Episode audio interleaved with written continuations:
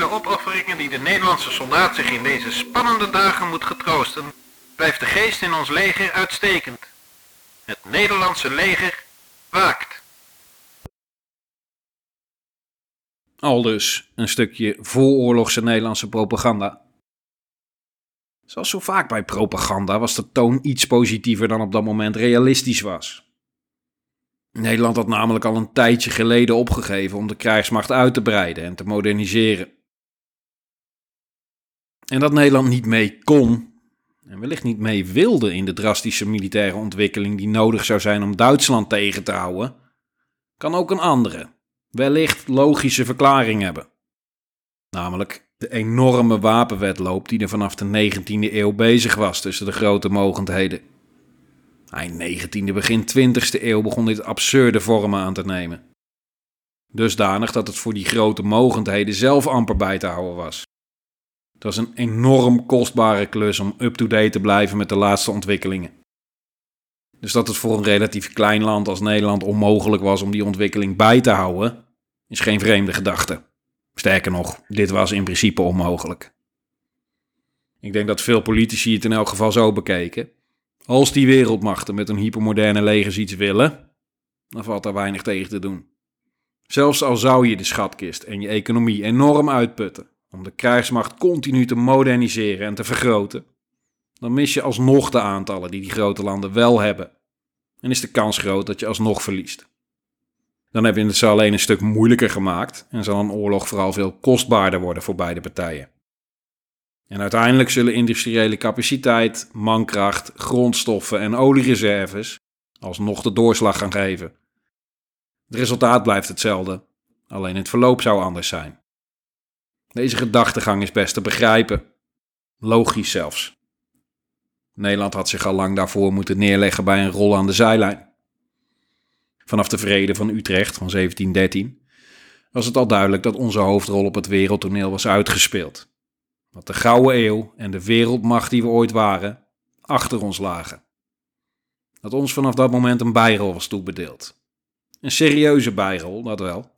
Nederland is altijd een rijk en welvarend land gebleven. Tussen 1590 en 1840 waarschijnlijk het rijkste land ter wereld. En een serieuze maritieme speler. Niet meer op wereldschaal, dat was voorbij. Onze soevereiniteit hadden we vanaf dat moment niet meer volledig in eigen hand die moest gewaarborgd worden door strategische coalities en allianties. Ons leger en onze vloot waren niet meer zomaar in staat om op eigen kracht een land als Frankrijk of Engeland tegen te houden of te verslaan. Een soort afhankelijkheid dus, die niet zozeer voor het volk, maar voor de politiek acceptabel was. Acceptabel omdat deze situatie helemaal niet zo slecht werkte voor ons land. Je drijft je handel, je verdient je geld, je leeft je leven zolang je een waardevolle handelspartner of coalitiegenoot bent voor die landen, zien ze over het algemeen geen reden om je aan te vallen. En dat gebeurde dus over het algemeen ook niet. Voor en zeker na de Napoleontische tijd bestond het concept, het respecteren van landsgrenzen en soevereine staten namelijk ook al. Diplomatieke betrekkingen werden toen ook niet zomaar ter grabbel gegooid. Het enige wat er kon gebeuren is dat je toevallig een buurman hebt die het op je gemunt heeft. En niet alleen op jou. Die alle diplomatiek of goede betrekkingen tussen landen aan zijn laars lapt. Die lak heeft aan neutraliteit en gewelddadige verovering als dé manier ziet om zijn tomeloze ambitie als absoluut wereldleider te verwezenlijken. Ja, dan sta je er ineens wel min of meer alleen voor. En dan heb je dus ineens wel een sterke krijgsmacht nodig om iets te kunnen uitrichten. Al was het maar preventief, om je buurman het signaal te geven dat hij je beter niet kan aanvallen, in de hoop dat hij je te riskant of te kostbaar vindt.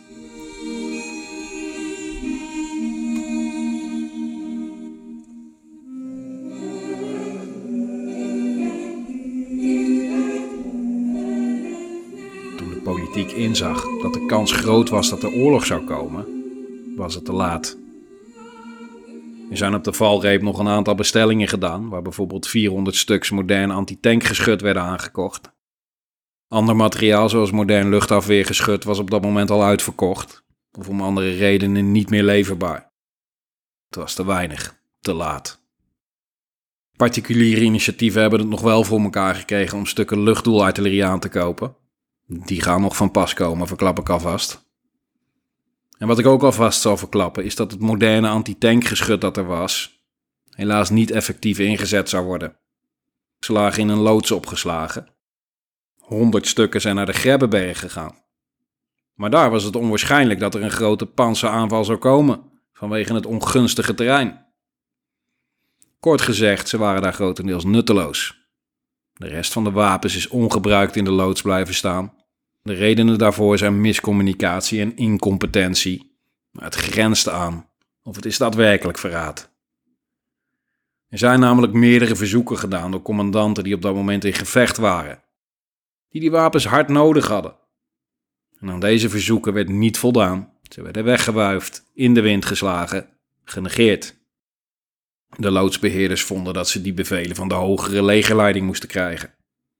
En dan mag u deze formulieren invullen en op de eerste dinsdag van de maand inleveren in drievoud bij Bali 2. Enfin, je kent het wel, het paarse krokodilverhaal.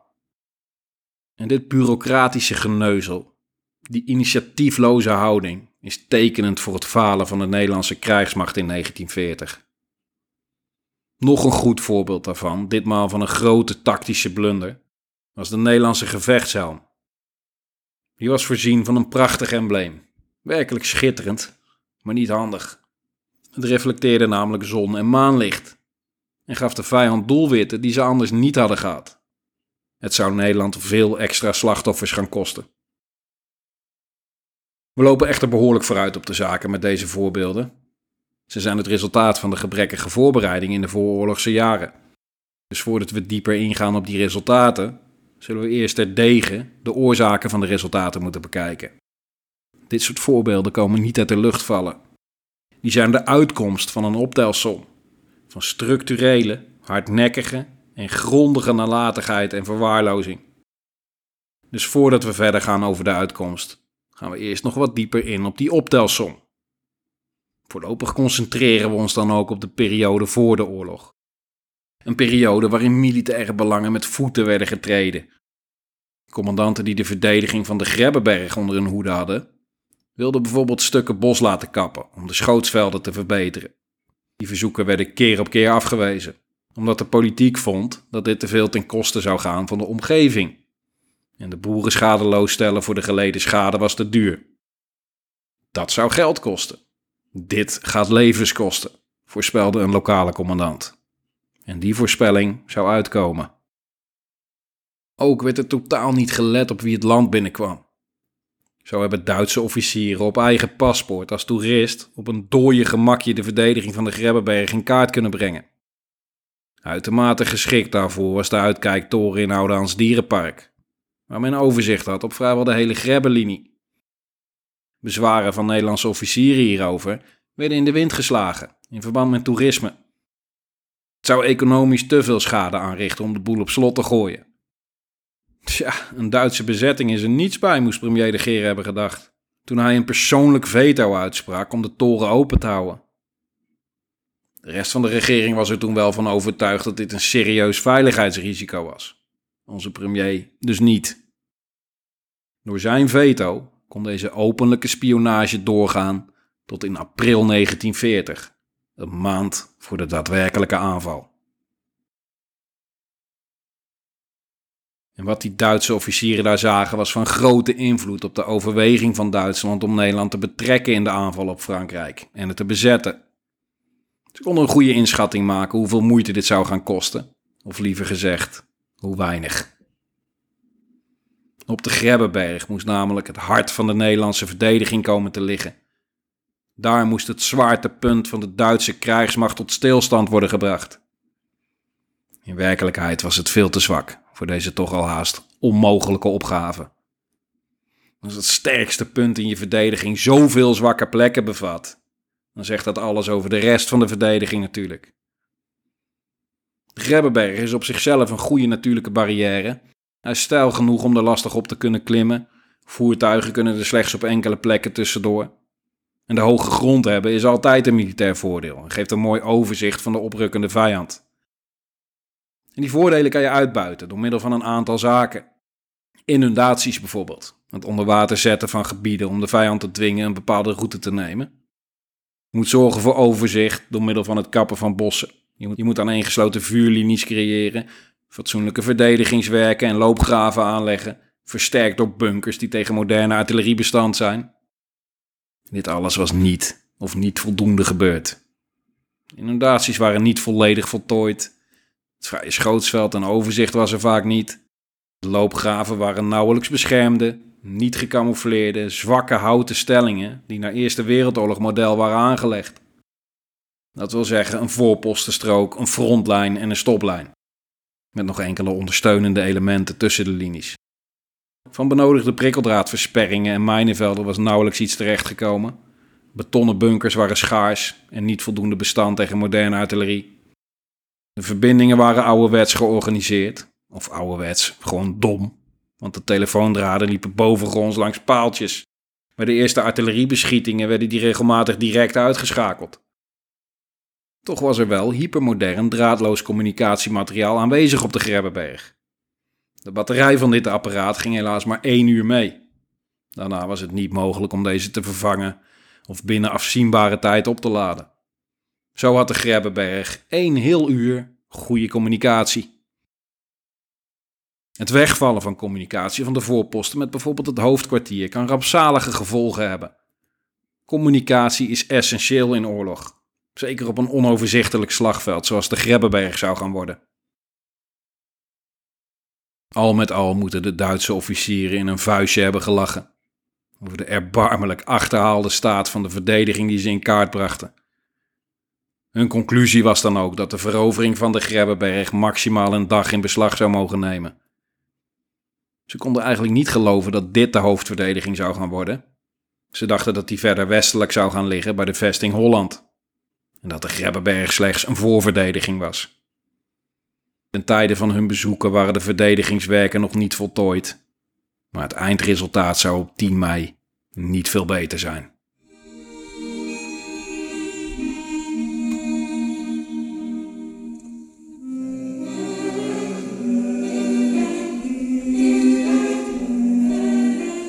Hoewel de verhoudingsgewijs in principe een betere voorbereiding was geweest, was de Grebbeberg geen uitzondering. Er staat het symbool voor de situatie in het hele land. Er was in ieder geval wat meer munitie voorhanden, hoewel er ook hier tekorten waren. Een ander probleem dat binnen de hele krijgsmacht speelde, was dat van het beroepskader. Het gebrek eraan, het grote percentage reservisten. De opleiding die ze hadden gehad was zeer karig. Reserveofficieren konden alleen in het allerlaagste tactische spectrum opereren, hadden een zeer basale kennis van krijgswetenschap, zelfs minder dan bazaal. Er werd ook weinig van ze verwacht. Het was niet nodig, sterker nog niet gewenst, dat ze veel initiatief zouden nemen. Gewoon wachten op orders van hoge hand of op aanwijzingen van beroepsofficieren. Wat dat betreft had het Nederlandse leger ook een rare, achterhaalde, onpraktische, hiërarchische bevelstructuur. Je hoeft geen hogere krijgskunde te hebben gestudeerd om te begrijpen dat dit tot weinig goeds kan leiden. Het is alsof je als passagier in een vliegtuig de veiligheidsinstructies krijgt van de stewardess en dat er daarna verwacht wordt dat je het vliegtuig kan besturen. Ik neem aan dat de meeste officieren gewoon hun best hebben gedaan. Maar dat is een karakterkwestie, een lot uit de loterij. Er zijn er gewoon niet veel die op dat moment formidabel uit de hoek komen. En als ze dat wel doen, dan is het niet de verdienste van een opleiding geweest. Reservisten bleken in elk geval zelden in staat om beroepsofficieren te vervangen of hetzelfde niveau te halen. Maar waren die dan zoveel beter? Amper. Het waren beroepsmilitairen, dat scheelt al iets. Ze deden dit vrijwillig, waren vaak beter geoefend in het gebruik van wapens. Het waren vaak patriotten, mensen die ten tijde van pacifisme voor de krijgsmacht hadden gekozen. Ze hadden dus vaak in ieder geval een diepe overtuiging en waren vaderlandslievend. Voor populariteit of status hoefden ze het niet te doen. Maar ook hun opleiding was behoorlijk slecht. Er was nul aandacht voor gecombineerd optreden met meerdere systemen en onderdelen tegelijk. Voor het opereren in grotere verbanden dan compagniesniveau. Theoretisch al niet of nauwelijks. Laat staan dat ze erin geoefend waren. De opleiding richtte zich vooral op bijzaken, exercitie, wiskunde en wapenkennis. Dan moet je wel uit een heel bijzonder hout gesneden zijn om ineens, als het echt zover is, helemaal uit jezelf, puur gedreven door moed en persoonlijke intelligentie, wel optimaal te functioneren. In een onbekende, levensgevaarlijke, levensbedreigende situatie, waar je stijf staat van de adrenaline. In een echte oorlog dus.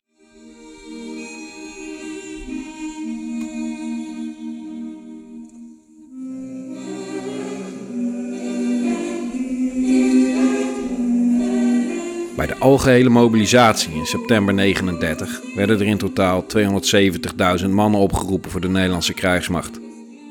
Het grootste gedeelte werd in infanteriedivisies van ongeveer 10.000 man ingedeeld. Daarna in regimenten onderverdeeld en over de verschillende linies of sectoren verspreid. De indeling van moderne infanteriedivisies moest aan bepaalde eisen voldoen.